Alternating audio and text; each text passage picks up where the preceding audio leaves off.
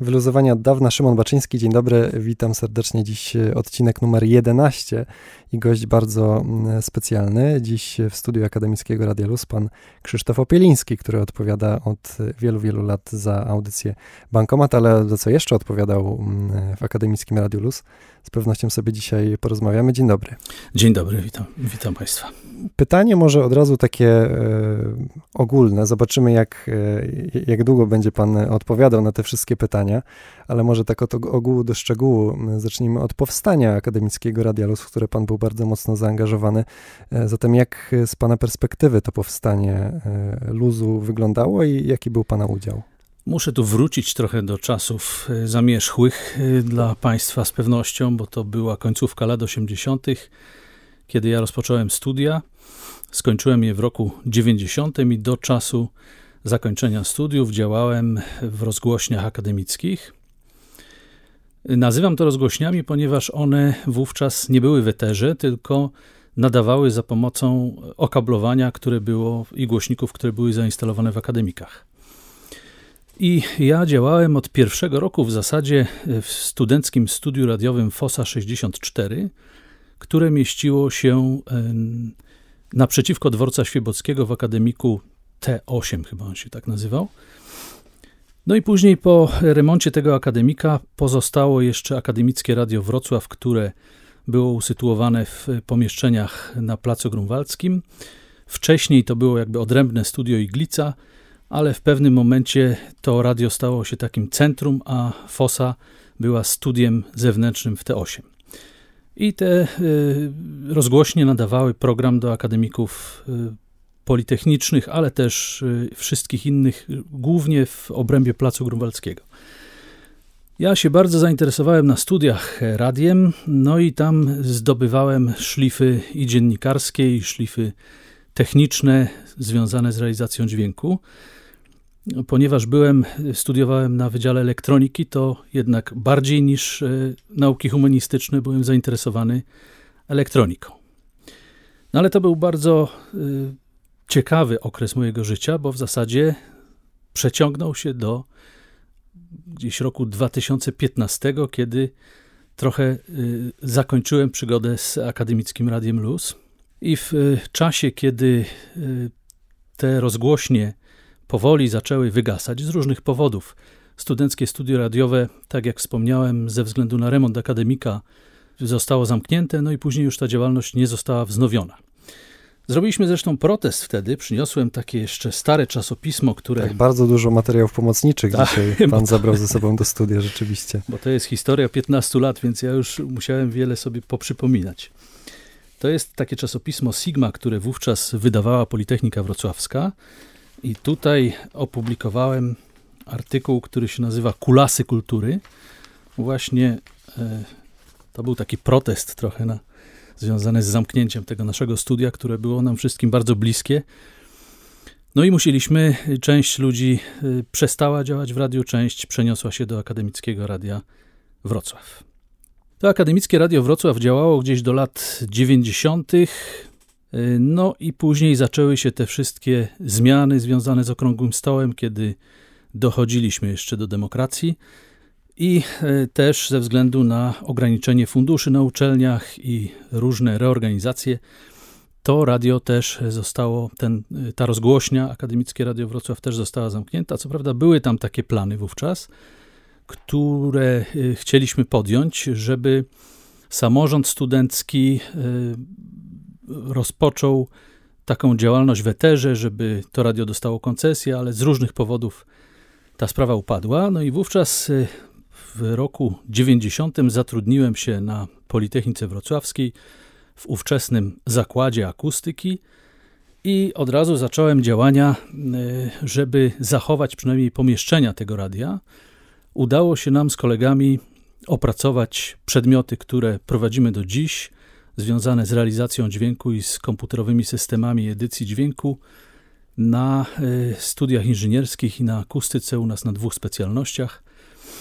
Wówczas e, te pomieszczenia udało się przejąć do naszego ówczesnego zakładu, który był częścią Instytutu Telekomunikacji i Akustyki.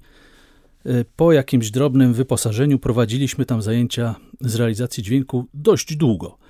Później wybudowaliśmy swoje studio w instytucie, który jest do dziś w piwnicy budynku C5. Mamy też e, pomieszczenie w Technopolis, e, gdzie też e, uczymy studentów technik nagłaśniania. No i na tym zasadzie trochę to radio się skończyło. Ja starałem się przemycać pewne techniki studentom na zajęciach, ponieważ tam był jeszcze sprzęt. No, na dzisiejsze czasy to można powiedzieć, że archaiczny, bo to były magnetofony tak zwane stacyjne, czyli taśma cienka jednostronna, najczęściej to był materiał monofoniczny, były też magnetofony stereofoniczne. Żeby zmontować materiał, to raczej nie było czegoś takiego jak technika cyfrowa obecnie, czy jakiś sposób zgrywania ewentualnie z wielu magnetofonów, ale najczęściej po prostu cięło się tą taśmę żyletką i tą technikę mm, trzeba było opanować dość dobrze, żeby szybko zmontować wywiad. To tych cięć było bardzo dużo. Ja jeszcze to potrafię robić, muszę powiedzieć, chociaż już jest kłopot z dostępem do takich magnetofonów stacyjnych. To wszystko zaowocowało rozwojem zajęć, no ale, ale radia długo nie było. Natomiast studenci bardzo często podnosili tą kwestię żeby jednak takie radio powstało. No tak, no bo aż się prosi. To też y, od razu zastanawiam się, czy wtedy mm, coś stało na przeszkodzie, to znaczy, czy, czy kogoś pan musiał bardzo mocno przekonywać, że takie zajęcia z tym związane, z dźwiękiem, z realizacją, trochę pod kątem radiowym właśnie, e, są potrzebne, są przydatne studentom mm, akustyki? Studenci bardzo chcieli jeszcze y, jakieś dodatkowe zajęcia, właśnie związane też bardziej z dziennikarstwem i z takim montażem typowo dziennikarskim i z e, wykształceniem związanym z użytkowaniem po prostu takich urządzeń, ale typowo w rozgłośni. Niekoniecznie byli to studenci techniczni, także studenci z uniwersytetu. Nie było w zasadzie przeszkód, tylko trudno było taką inicjatywę podjąć, bo musieliśmy zebrać dużą grupę studentów, która wywierała nacisk na władzę no bo y, ja mm, zadeklarowałem się wspólnie z kolegą Mirosławem Miazgą, którego Państwo doskonale znają, technik radiowy, y, jeden z niewielu, który jeszcze y, no, taką wiedzę posiada z, z tamtych czasów, prawda? Nie mówiąc już o, o tej nowoczesnej. Na skalę polską, a nawet światową, chciałoby się tak. powiedzieć. No więc powiedzieliśmy studentom, że jeśli władze się zgodzą na to, żeby dofinansować to radio, bo bez finansów to nie ma sensu się w ogóle za to zabierać. Jeśli będą takie deklaracje, to my podejmiemy się tego, żeby to radio stworzyć od zera, trochę wzorując się na tym, co przeżyliśmy w tych rozgłośniach akademickich. No tutaj może przytoczę na koniec tego artykułu wspomnianego na samym początku. Pisze pan Błagam, nie podcinajcie nóg tej kulturze, która wreszcie zaczyna chodzić, a może już niedługo dzięki ludziom z ogromną inwencją twórczą będzie biegać. I to e, chyba przyświecało panu przez, przez wiele lat, że rzeczywiście e, udało się ten temat radia no, co, coraz bliżej tej fizycznej, realnej formy, w której no, teraz e, nawet się znajdujemy, e, no, przybliżyć w tym kierunku. Tak, ja muszę powiedzieć, że zawsze byłem i jestem przeciwny traktowaniu uczelni jako korporacji dlatego że y, to jest bardzo specyficzny twór, w którym pracują ludzie z pasji. Oni tutaj pracują dlatego, że po prostu kochają taką pracę. To w zasadzie w większości, w znakomitej większości przypadków nie ma związku z zarobkami. Oni tu pracują za bardzo niewielkie często pensje, natomiast dzięki temu, że mają tą pasję, to to wszystko jakoś się kręci. I w sytuacji, kiedy my tego nie doceniamy, czy władze tego nie docenią i nie traktują uczelni jako przede wszystkim ludzi, to tu jest problem, bo tą pasję trzeba cały czas podsycać. Jest bardzo niewiele osób, które chce się zatrudnić na uczelni, właśnie ze względu na stosunkowo niewielkie pensje. Ale no ja ze swojej perspektywy muszę powiedzieć, że y, bardzo się cieszę, że zostałem naukowcem, bo oprócz całego y, rozwoju, całej tej ścieżki naukowej, którą przeszedłem, doszedłem do profesury belwederskiej, to po drodze miałem wiele bardzo wspaniałych przygód właśnie ze studentami, właśnie z radiem przede wszystkim, ale też wspomnę jeszcze o klubie Bayer, w którym też dość długo działałem. Jestem honorowym członkiem klubu Bayer. Ale wróćmy może do radia, bo, bo to jest też związane z audycją, o której będę jeszcze opowiadał. Udało się zebrać e, taką grupę inicjatywną, nazywaliśmy to, studentów z uniwersytetu i z Politechniki. No muszę powiedzieć, że dużo było studentów właśnie od nas z akustyki, z inżynierii dźwięku, którzy e, bardzo chętnie podjęli taki temat tworzenia rozgłośni od strony technicznej, a z kolei studenci uniwersytetu pomagali nam od strony typowo takiej dziennikarskiej. Udało się przekonać władze, wówczas rektorem Politechniki Wrocławskiej był profesor Tadeusz Luty, a na funkcję prorektora do spraw studenckich został wybrany nasz kolega z Zakładu Akustyki, doktor inżynier Krzysztof Rudnorodziński. I muszę powiedzieć, że to też nam dużo pomogło. Tym bardziej, że prowadziliśmy też te zajęcia w pomieszczeniach Akademickiego Radia Wrocław na Placu Grunwaldzkim. Władze zgodziły się sfinansować, pod warunkiem oczywiście, że zorganizujemy grupę studentów i e, zrobimy jakiś preliminarz i jakby ruszymy z tym wszystkim. E, to muszę powiedzieć było bardzo trudne na samym początku, dlatego że myśmy nie mieli nic. E, zaczęliśmy się zastanawiać, co zrobić, żeby dostać koncesję, co w tamtych czasach też nie było takie łatwe. Zaczęliśmy się zastanawiać, jak w ogóle do tego podejść, żeby ruszyć z programem, bo Koncesję można dostać wtedy, kiedy jest konkretny pomysł i możemy zacząć nadawać praktycznie no, w ciągu kilku dni od, od e, uzyskania tej koncesji, więc musieliśmy się do tego przygotować. E, stwierdziliśmy z kolegą Miazgą, że najlepiej będzie zrobić na początku radio internetowe, w którym nauczymy się organizować program, to nam pomoże zorganizować całą ekipę, podział na redakcję, zaczniemy mm, realizować jakieś materiały.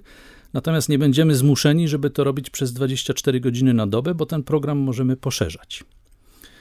I dokładnie tak e, zrobiliśmy z pomocą naszych e, wspaniałych studentów, którzy informatycznie bardzo dużo nam tutaj pomogli. Zorganizowaliśmy w jednym z pomieszczeń w budynku C5 no nie powiem, że to było radio, bo, bo to był po prostu komputer postawiony gdzieś w kącie, do którego, e, który wpięliśmy do, do, do sieci i tam umieszczaliśmy e, audycje e, w, takim bardzo, w takiej bardzo ograniczonej formie.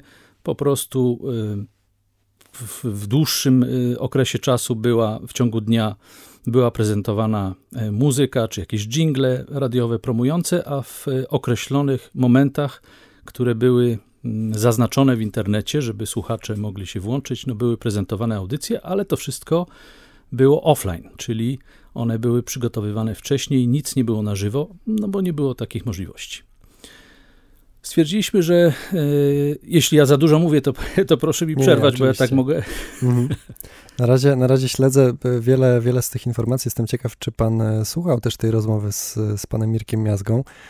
Pięknie, pięknie się mm, pokrywają pe pewne wątki, ale oczywiście opowiadane z dwóch różnych perspektyw, więc jestem ciekawy, w jaki sposób po prostu dobrniemy do tego momentu, kiedy ta koncesja udało się, udało się w końcu ją otrzymać. Tak, byśmy tu się doskonale z kolegą Mirkiem uzupełniali, zresztą jesteśmy przyjaciółmi po dziś dzień i ciągle się widujemy i rozmawiamy ze sobą, też wspominamy często prywatnie e, poza uczelnią te, te czasy, bo, bo rzeczywiście parę takich anegdot, które sobie przypomnę, to postaram się Państwu też przekazać. No ale mieliśmy jakby ten, ten komputer i nic więcej, chcieliśmy się nauczyć e, praktycznie no, ja musiałem się troszkę tego dziennikarstwa douczyć, bo później też e, może, może jeszcze wrócę tak e, trochę do tych czasów studenckich, bo ja głównie zajmowałem się realizacją dźwięków w tych rozgłośniach, ale też prowadziłem wywiady, byłem takim reporterem, natomiast największą frajdę sprawiało mi realizowanie słuchowisk, dobieranie aktorów, też sam odgrywałem pewne role, podkładanie muzyki i w, wtedy w rozgłośni, e, no i to wcześniej jeszcze w, w studiu FOSA i w Akademickim Radiu Wrocław pełniłem rolę szefa redakcji rozrywki. W związku z tym mam dużo takich materiałów e, ciekawych jeszcze z tamtych czasów, co zresztą też zaowocowało tym, że zacząłem się zabierać za kabaret i zacząłem pisać piosenki, które mhm. też może jeszcze o tym wspomnę. Mhm. jak na naukowca to jest bardzo nietypowe. Być może był pan dużą inspiracją, bo bardzo dużo takich humorystycznych, y, czy to jingli, zajawek przez, przez wiele lat, z tym mi się mocno kojarzy, takie dawne Radio sprzed 10, sprzed no już blisko 15 lat, że ten humor grał po prostu ogromną, ogromną rolę, mam wrażenie nie, nieco większą niż dzisiaj. No i wracając do, do tej historii, dość długiej, mm, stwierdziliśmy z kolegą Miazgą, że najlepiej będzie, żeby mm, tych studentów zorganizować e, na takich e, seminariach, które pozwolą nam z jednej strony zintegrować ludzi, a z drugiej strony przekazać im pewną wiedzę. Na te seminaria będziemy mogli, tak jak to bywało w naszych czasach, zapraszać jakichś ciekawych dziennikarzy, realizatorów, ciekawych ludzi, którzy nam e, opowiedzą o swoim warsztacie i którzy trochę nauczą tych studentów, jak to robić. A poza tym chcieliśmy e, jeszcze w czasie tych seminariów zorganizować redakcję, wybrać odpowiednich szefów redakcji, no i przystąpić do e, organizowania całej ramówki, która była konieczna do tego, żeby uzyskać koncesję. Pierwsze seminarium zorganizowaliśmy w 2003 roku w Szklarskiej Porębie, w ośrodku Radość, który jeszcze jest chyba ośrodkiem Politechniki, ale uczelnia już się go pozbywa. Nawet jeszcze dwa lata temu, zdaje się, tam w tym samym ośrodku się e, na, na, na seminarium akademickiego Radiolus spotykaliśmy, no ale to zupełnie inaczej wyglądało, bo tutaj raczej mamy coś, co, co już jest, co próbujemy doskonalić, a rozumiem, że wtedy na tych pierwszych e, zjazdach to, to, to wszystko się dopiero kiełkowało, kształtowało, tematy ramówek, redakcji.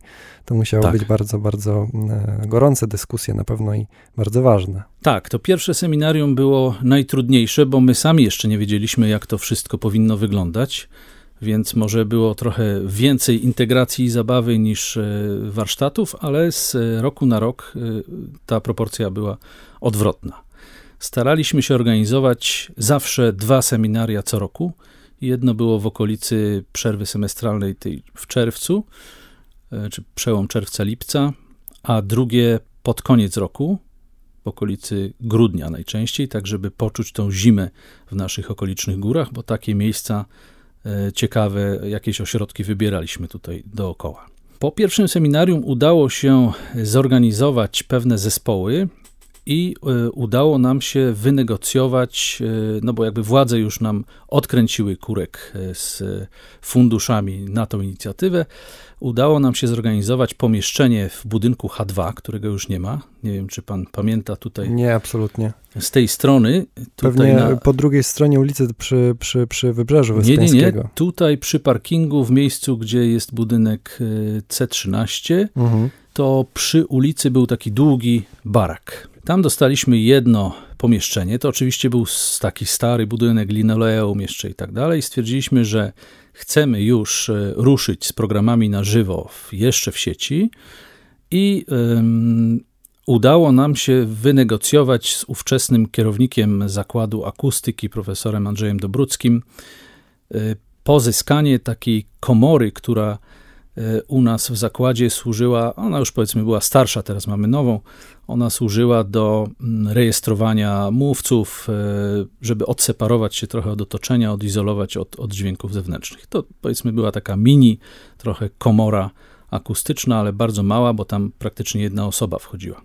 Tą komorę udało nam się rozebrać i zainstalować, e, przenieść oczywiście do tego budynku, i to wszystko robiliśmy własnymi siłami. Tutaj nie było mowy o tym, żebyśmy korzystali z jakichś służb politechnicznych, po prostu popołudniami skrzykiwaliśmy się i, i wspólnie ze studentami przenieśliśmy to, zmontowaliśmy i tak powstało takie mini studio w tym budynku H2.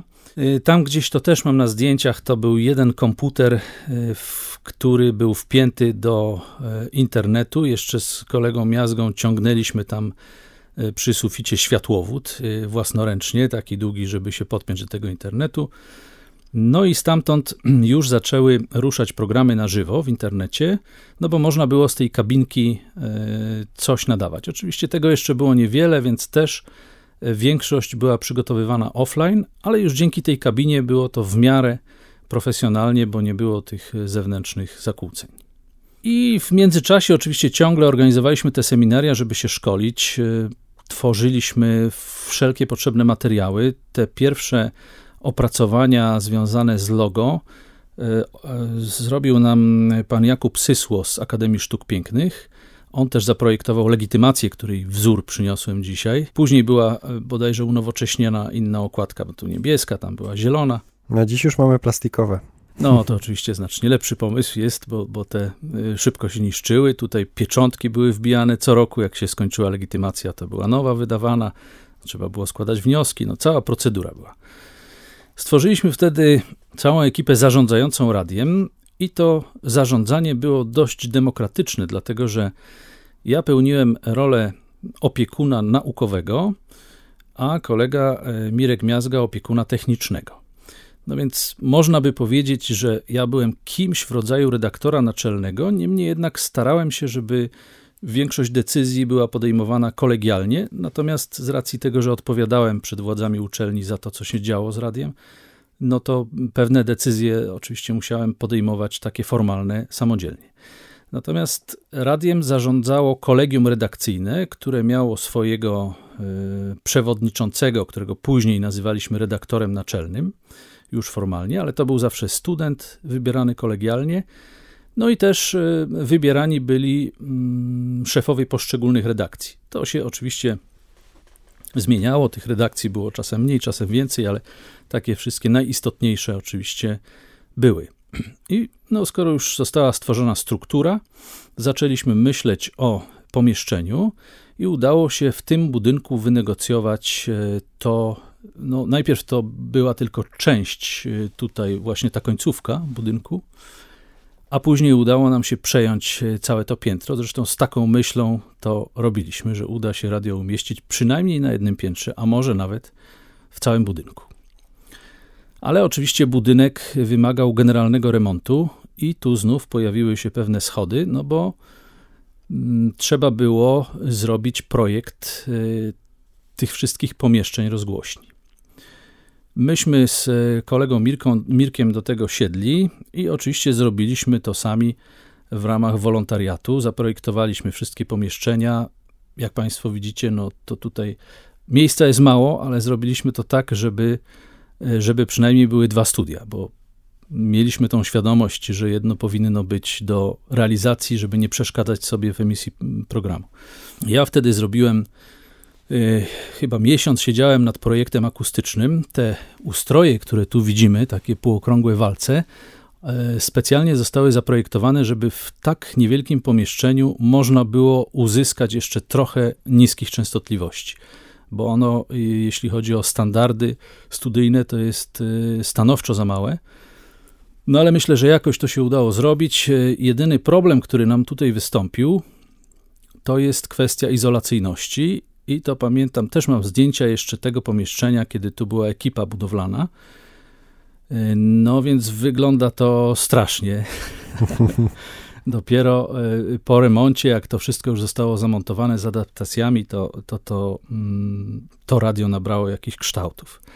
Zrobiło się takie ciepłe. Ale no, problem polegał na tym, że ja nie miałem czas, czasu, bo też musiałem prowadzić zajęcia jako pracownik naukowo-dydaktyczny, więc prosiłem Mirka, żeby tutaj codziennie zaglądał i e, tę ekipę remontowo-budowlaną dopilnowywał, żeby zrobiła wszystko zgodnie z założeniami nie tylko projektu architektonicznego, ale też projektu tego naszego akustycznego, no bo bardzo istotna jest izolacyjność, pomimo tego, że kłopot był, bo nie mieliśmy tyle funduszy na, na tą adaptację, więc oczywiście są tu ścianki gipsowe z jakimś wytłumieniem. To był taki projekt, żeby to w miarę było dobrze zrobione. No ale oczywiście panowie, zamiast tutaj e, posłuchać nas i, i na e, krańcach tych ścian zrobić porządną izolację, to pozaklejali to taśmią i efekt pewnie do dziś jest taki, że no niestety ten dźwięk przenika właśnie tam bokami czy przy rurkach od kaloryferów, bo to zostało zrobione niezgodnie z naszym projektem. No już niedługo kolejny remont pewnie, którego efektami się będziemy e, dzielić z wszystkimi, ze słuchaczami oczywiście również, więc e, no zobaczymy, a, a te, a te mm, wspomniane tuleje już powoli e, z murów Radia Luz znikają. Może idąc w kierunku bankomatu, właśnie samego, mm, samego w sobie pana audycji, która do dziś jest emitowana na, na, na naszej antenie, no i to mm, powitanie. Mm, w kolejnym wydaniu magazynu Bankomat wita Krzysztof Opieliński. Serdecznie zapraszam do wysłuchania wydarzeń mijającego tygodnia oraz do udziału w zabawie konkursowej z nagrodami. Ile to już razy pan e, te, te, te, te kwestie czytał, ile razy się w ten sposób ze słuchaczami witał i w sumie jak długo to trwa, bo chyba od samego początku istnienia Radia Luz. Musiałbym przeliczyć, ponieważ ta audycja pojawia się co tydzień i nie było jeszcze takiej sytuacji, żeby ona się nie pojawiła w jakimkolwiek tygodniu.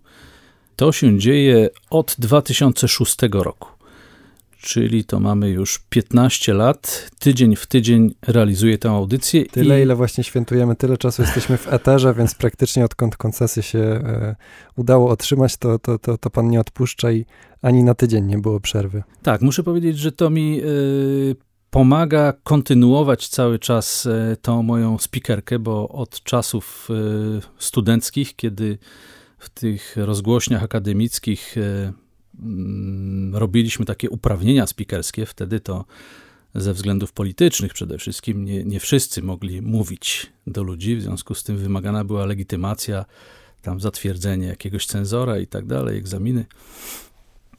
Więc ja taka, takie szkolenie przeszedłem. No i żeby tego nie zatracić, to oczywiście ta audycja daje mi dużo radości, dlatego że e, ciągle obcuję ze swoim głosem. Żeby być dobrym speakerem i ciągle się doskonalić i mówić wyraźnie, trzeba jednak ciągle siebie słuchać i to w takich dość dobrych warunkach. Więc e, to się dzieje co tydzień. No, niewiele było sytuacji, kiedy po prostu wyjechałem w takie miejsce, że nie miałem możliwości nagrać tej audycji i wtedy prosiłem o to. Y, Mirek zawsze tutaj znajdował speakera jakiegoś z radia, bo robimy to. Ta audycja jest realizowana we współpracy ze Związkiem Banków Polskich w ramach takiego programu edukacji ekonomicznej.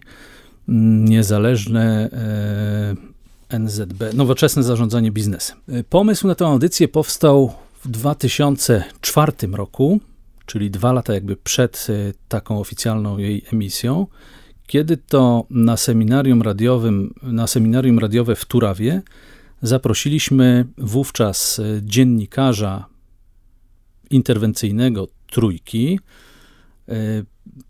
Przemysława Barbricha. Dziś pan dr Przemysław Barbrich jest y, kierownikiem zespołu PR Związku Banków Polskich. Wówczas był znanym dziennikarzem Trójki, no jest do dziś, ale oczywiście już od, od wielu lat w Trójce nie pracuje, mm, tylko w Związku Banków Polskich.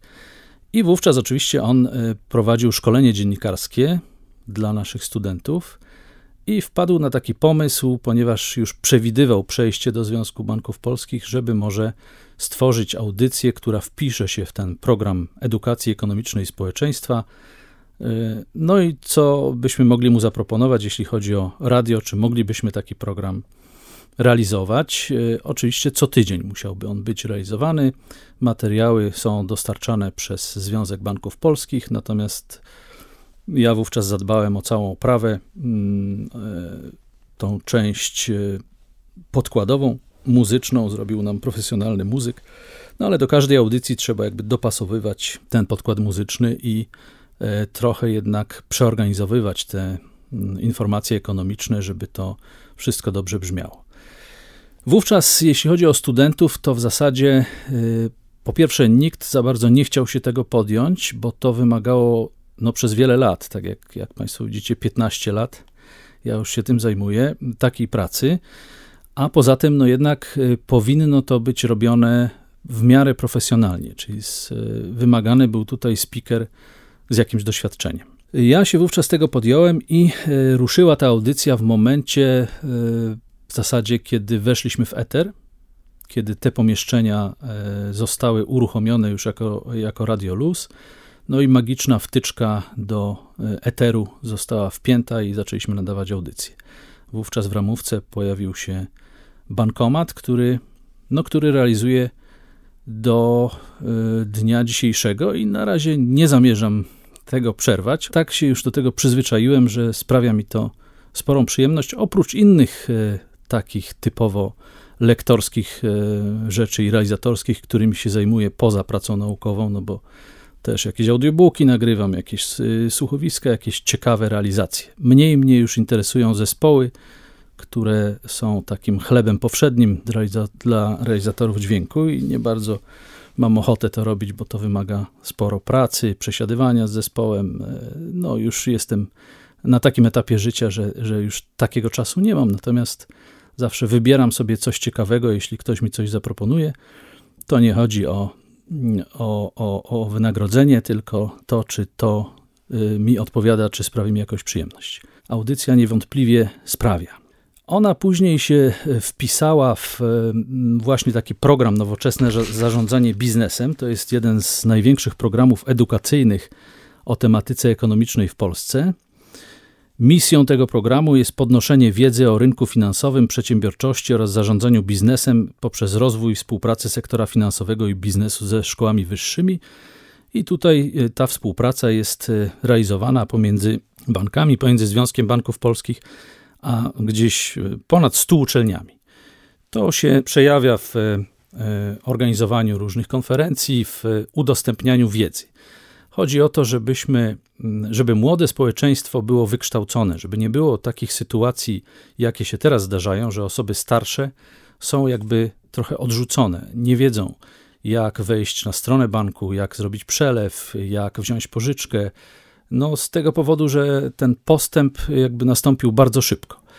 A dzięki takiemu przekazywaniu wiedzy ekonomicznej staramy się to społeczeństwo y, uczyć w różny sposób i oszczędzania, i ekonomii, i wszystkich tych narzędzi, które są z tym związane. To może teraz e, spróbuję pana zaskoczyć, bo zrobiłem mały wywiad z pana byłymi studentami, którzy wciąż zaangażowani są tutaj w tworzenie Radiolus, pracują jako e, akustycy, ale wcześniej mieli, e, mieli z panem zajęcia. Jeden z nich wspomniał, że mm, zawsze no, no bardzo cenił to, jakim e, świetnym pan jest mówcą, jak, e, jak potrafi zaciekawić, no i że tego zawsze pan oczekuje także od, od studentów, ale także od prowadzących tutaj w Radiu Luz. Mm, więc tutaj zastanawiam się, w, czy, czy rzeczywiście w, mm, w jakiś sposób pan to wyrażał, może jeszcze w tych, w tym, tym okresie tutaj pełnienia tej, tej funkcji mm, jakby redaktora naczelnego, to znaczy odsłuchy z prowadzącymi, nakierowywanie ich, jeżeli chodzi o sposób prowadzenia audycji, czy też e, tak dydaktycznie mm, pan się, pan się angażował jako ten bardziej doświadczony e, speaker w stosunku do początkujących radiowców? Tak, mieliśmy coś, co się nazywało tak zwanym szpiegiem. To było, e, to był zapis programu. No i staraliśmy się ja oczywiście odsłuchiwałem bardzo wiele audycji różnorodnych, ale tego było tak dużo, że miałem oczywiście pomoc wśród y, kierowników redakcji. No i wtedy y, co tydzień mniej więcej robiliśmy zebrania, na których y, omawialiśmy, czyli na tych zebraniach omawialiśmy sposób prowadzenia audycji, jak to udoskonalić. I staraliśmy się no, raczej nie w taki sposób, że, że zapraszaliśmy na te zebrania osobę prowadzącą i tam krytykowaliśmy, bo to jest najgorsze, co można zrobić, publicznie jakby krytykować. E, natomiast e, zalecaliśmy kierownikom redakcji, żeby z takimi osobami się spotkały i po prostu delikatnie e, spróbowały przekazać jakieś uwagi krytyczne, żeby po prostu polepszyć prowadzenie programu. To najczęściej miało miejsce w przypadku młodych adeptów, którzy y, z pasją angażowali się w prowadzenie jakichś y, swoich audycji czy, y, czy jakichś serwisów informacyjnych, no i chcieliśmy to po prostu udoskonalić i, i w ten sposób pracowaliśmy z tymi ludźmi. A poza tym, oj, pamiętam, to było dla mnie strasznie uciążliwe. Wielokrotnie, kilkanaście razy może, a może więcej, przeprowadziłem warsztaty dykcji. Robiłem to cyklicznie z bodajże co roku przez jakiś czas e, z, e, no, z osobami, które chciały po prostu przejść takie warsztaty, ale głównie z e, młodymi ludźmi. Wynajmowałem wtedy pomieszczenie w, u nas w, w, w, budynku C5, taką salę z, często to był tam jakiś komputer, mikrofon, no i robiliśmy takie profesjonalne szkolenie dla takich nawet dużych grup. Jeszcze mam gdzieś na dysku e, kilka takich warsztatów. Zapis tych warsztatów, tak. świetnie. No inną e, ciekawą rzeczą, której się mm, e, o panu dowiedziałem jeszcze przed naszą rozmową. Pana były student powiedział: Pamiętam, że dużą uwagę poświęcał produkcji. Większość pierwszych jingli Radia Luz wyszło podobno spod pana ręki. No i dużo takich zadań także na zajęciach studenci otrzymują pewnie nadal, żeby coś posklejać, no i że zawsze to miało być zrobione porządnie. No więc tutaj też e, wygląda na to, że, że od tej strony takiej właśnie, zresztą tak jak pan mówił, technicznej oczywiście, ale też producenckiej, tych, tych wszystkich jingli radiowych, no, mm, to, co dziś słyszymy, to gdzieś tego też e, można pana traktować także jako takiego protoplasta. Mm, tak, jingle to też była moja pasja, zresztą Taki był okres, kiedy w latach 90. w Polsce zaczęły pojawiać się reklamy, i wtedy mnóstwo firm zgłaszało się e, do specjalistów, żeby takie reklamy realizować. Ja wówczas wiele takich reklam zrealizowałem dla firm zewnętrznych. No i moją pasją stało się też realizowanie różnego rodzaju jingli. Pamiętam, e, jedną z takich reklam realizowałem, to była piosenka reklamowa, w której oczywiście specjalnie muzyk przygotował aranżację, zaangażowałem chórek do tego. E, trzy panie e, przyszły, odśpiewały.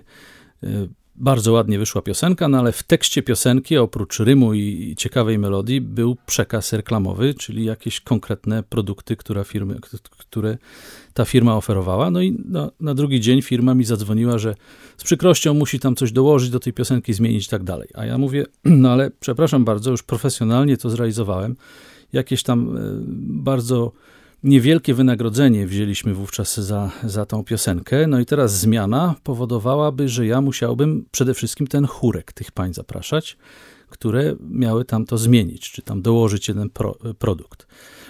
No i zacząłem się zastanawiać, co tu z tym zrobić, bo firma się uparła i wynalazłem takie narzędzia, wtyczkę, która umożliwiała zrealizowanie chórku i przerobienie głosu męskiego na damski, w związku z czym ten dodatek do chórku odśpiewałem sobie sam, zwielokrotniłem te głosy, no i wyszły takie głosy damskie, że byłem zaskoczony. Ale że takie same aż. Y, Bardzo podobne, tak, no ale wow. to było sporo pracy. Nad tym. No z pewnością.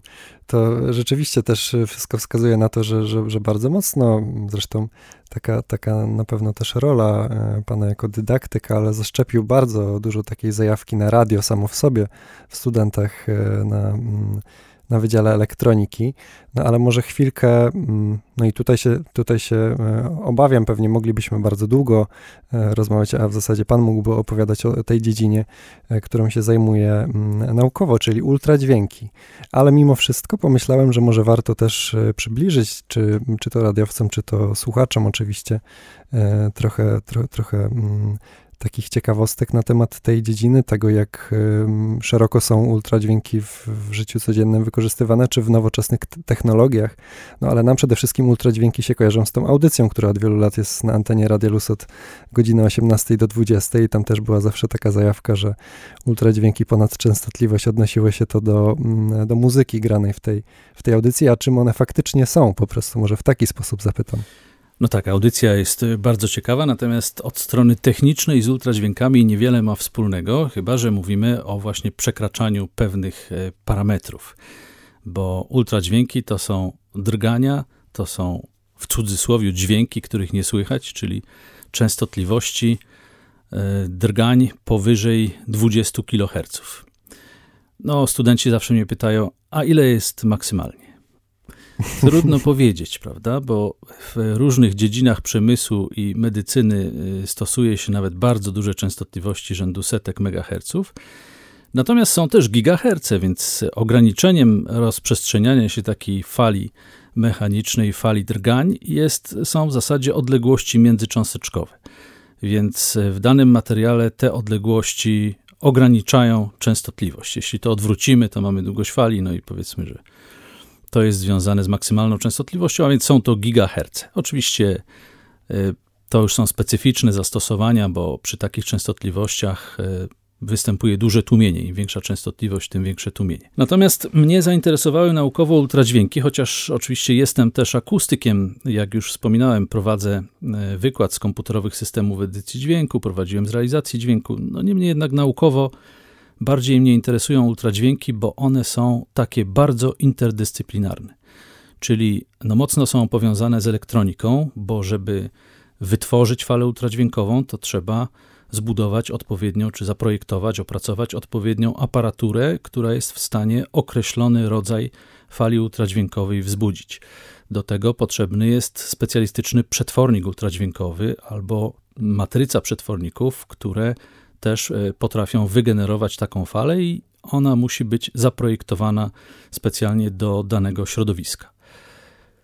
Zastosowań jest mnóstwo, no trudno mi y, tutaj y, wszystkie wymieniać, bo zanudziłbym Państwa pewnie, ale w przemyśle no przede wszystkim do badań nieniszczących, czyli możemy oglądać strukturę wewnętrzną różnych materiałów, przesuwając się z głowicą ultradźwiękową, która emituje falę ultradźwiękową do wnętrza i tam ta fala w postaci impulsów odbija się od różnych niejednorodności i w ten sposób możemy obrazować wnętrze, przekroje nawet 3D e, w takim materiale. To samo w medycynie. Medycyna w zasadzie nie można już sobie wyobrazić medycyny bez ultradźwięków.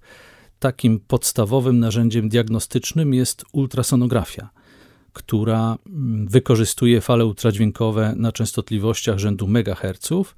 One dość dobrze propagują się w tkance i e, dzięki wykorzystaniu specjalnych głowic e, ultrasonograficznych w postaci takich matryc, najczęściej liniowych, czyli zespołu wielu przetworników, poprzez e, sterowanie impulsami, które są wysyłane z tych przetworników, jesteśmy w stanie dość precyzyjnie obrazować strukturę wewnętrzną ludzkiego ciała bez żadnej szkody e, in vivo. Przeszkodą są kości, są płuca, jest powietrze.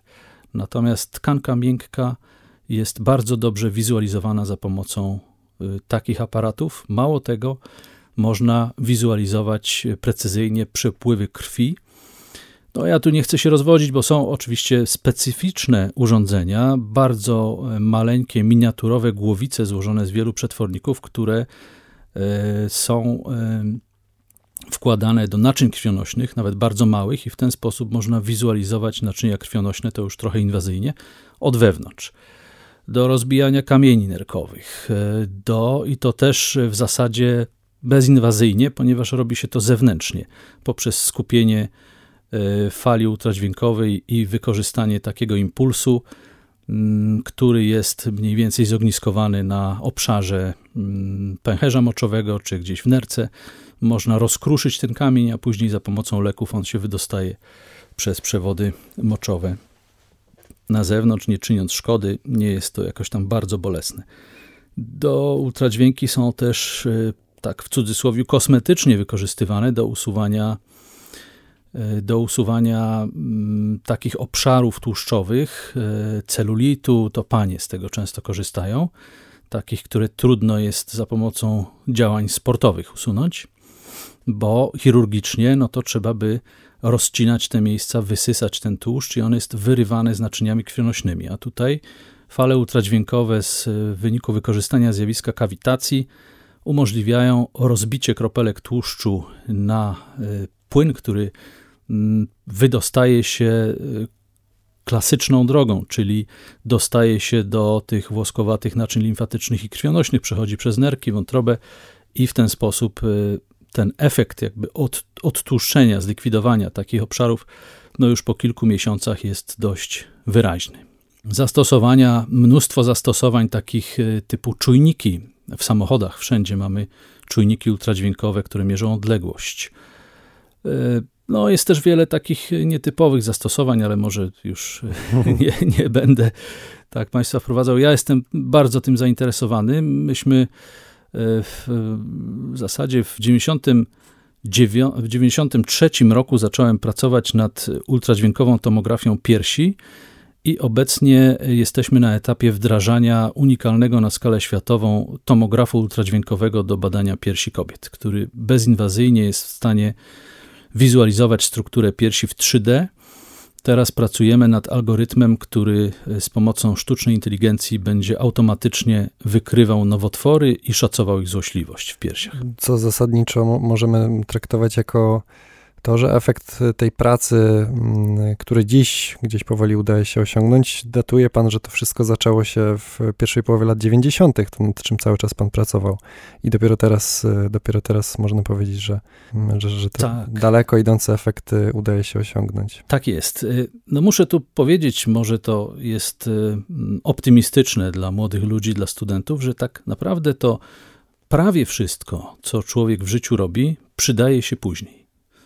Ja takich sytuacji miałem wiele i praktycznie wszystko, co robiłem, jakoś wykorzystałem, bo to, że e, pracowałem w akademickim radiu, spowodowało, że jestem lektorem i to mi się bardzo przydaje. To, że e, pisałem kiedyś, że, że zajmowałem się kabaretem, no to napisałem trochę tekstów i piosenek, które kabaret Elita też wykorzystywał e, i prezentowali je na antenie Polskiego Radia Wrocław. To z kolegą E, też dziennikarzem Przemysławem Żyłą e, robiliśmy coś takiego. Napisałem też trochę piosenek, które muzykę e, skomponował do tego zespół Tax Free i z jedną piosenką doszli do finału Must Be The Music. Więc jakby to wszystko ma jakieś przełożenie. Ja byłem szczerze zaskoczony, jak z ZX-u zacząłem ostatnio corocznie dostawać jakieś garze, które no są, nie są aż takie małe za, za coś, co w zasadzie wydawałoby się, że, że może być niszowe, a jednak y, gdzieś tam jest prezentowane. Pamiętam, jak koledzy z zespołu Tax Free, bo to się zaczęło w ten sposób, że wykorzystując tą moją działalność kabaretową, stwierdzili, że żebym napisał im trochę tekstów disco polo, bo wtedy te wytwórnie Green Star i, Red, i y, Blue Star mm, były, y, jakby wiele płaciły za, za tego typu nagrania i wykorzystywały to masowo, te kasety tam się rozchodziły. Więc ja jakby z czysto takich e, względów e, kabaretowych zacząłem pisać też takie teksty disco polowe, które mnie po prostu bawiły. To był z mojej strony trochę pastisz. Natomiast koledzy z zespołu zrobili tak dobrą aranżację muzyczną, że naprawdę no, słucha się tego całkiem, całkiem dobrze, pomimo oczywiście faktu, że, że to no, rzeczywiście jest disco polo. Nie, nie gustujemy, w te, przynajmniej ja w takiej muzyce. Ja najbardziej lubię rocka, ostrego hard rocka, aczkolwiek y, zawsze studentom powtarzam, że każdy powinien być otwarty na każdy rodzaj muzyki, bo to jest bardzo twórcze, uczy po prostu doświadczenia, tak jak czytanie książek wszelkiego rodzaju. Ale muszę powiedzieć, że te e, disco polowe piosenki moje do dziś są grane na wielu weselach. Nie powiem jakie.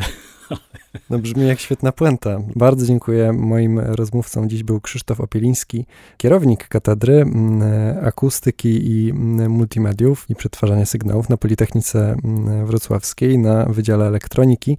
Zatem no, studenci elektroniki powinni być gotowi, że e, napotkają na swojej drodze E, takiego dydaktyka, który będzie tą radiową zajawkę mm, zaszczepiał tak zwyczajnie podczas swoich zajęć, czego ja przynajmniej bardzo gorąco życzę. Dziękuję bardzo.